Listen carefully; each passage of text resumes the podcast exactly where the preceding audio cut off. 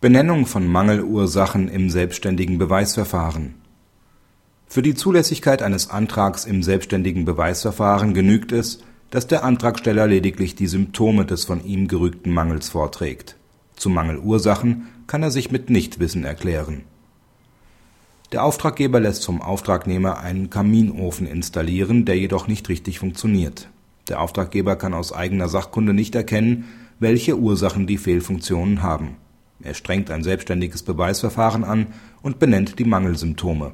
Zu den Ursachen dieser Symptome erklärt er sich mit Nichtwissen gemäß § 138 Absatz 4 ZPO und legt lediglich allgemein dar, dass die Mängel auf Konstruktionsfehler und/oder Fehlern beim Einbau der Anlage beruhen können.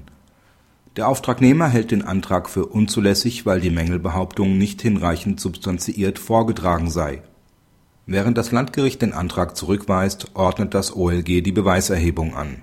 Der Sachvortrag des Auftraggebers, die Ursachen der Mängel seien ihm nicht bekannt, genügt. Denn eine Erklärung mit Nichtwissen nach § 138 Absatz 4 ZPO ist zulässig, weil die Mangelursachen nicht Gegenstand der Wahrnehmung des Auftraggebers sind. Dazu müsste der Auftraggeber erst einen Privatgutachter beauftragen, um die Mangelursachen herauszufinden. Das ist ihm jedoch nicht zuzumuten Praxishinweis Die Entscheidung ist zu begrüßen. Allzu oft besteht die Tendenz auf Seiten der Gerichte, Anträge im selbstständigen Beweisverfahren zurückzuweisen, weil der Antragsteller vermeintlich unzulässige Ausforschungsfragen gestellt hat. Allerdings sieht § 485 Absatz 2 Satz 1 Nummer 2 Alternative 3 ZPO ausdrücklich vor, dass die Ursache eines Sachmangels gerichtlich durch sachverständige Begutachtung festgestellt wird.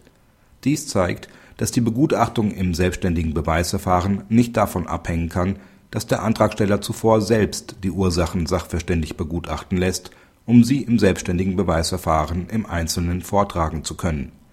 Dies führte in vielen Fällen zu unnützen Doppelgutachten und vermeidbaren Kosten, wie das OLG zu Recht betont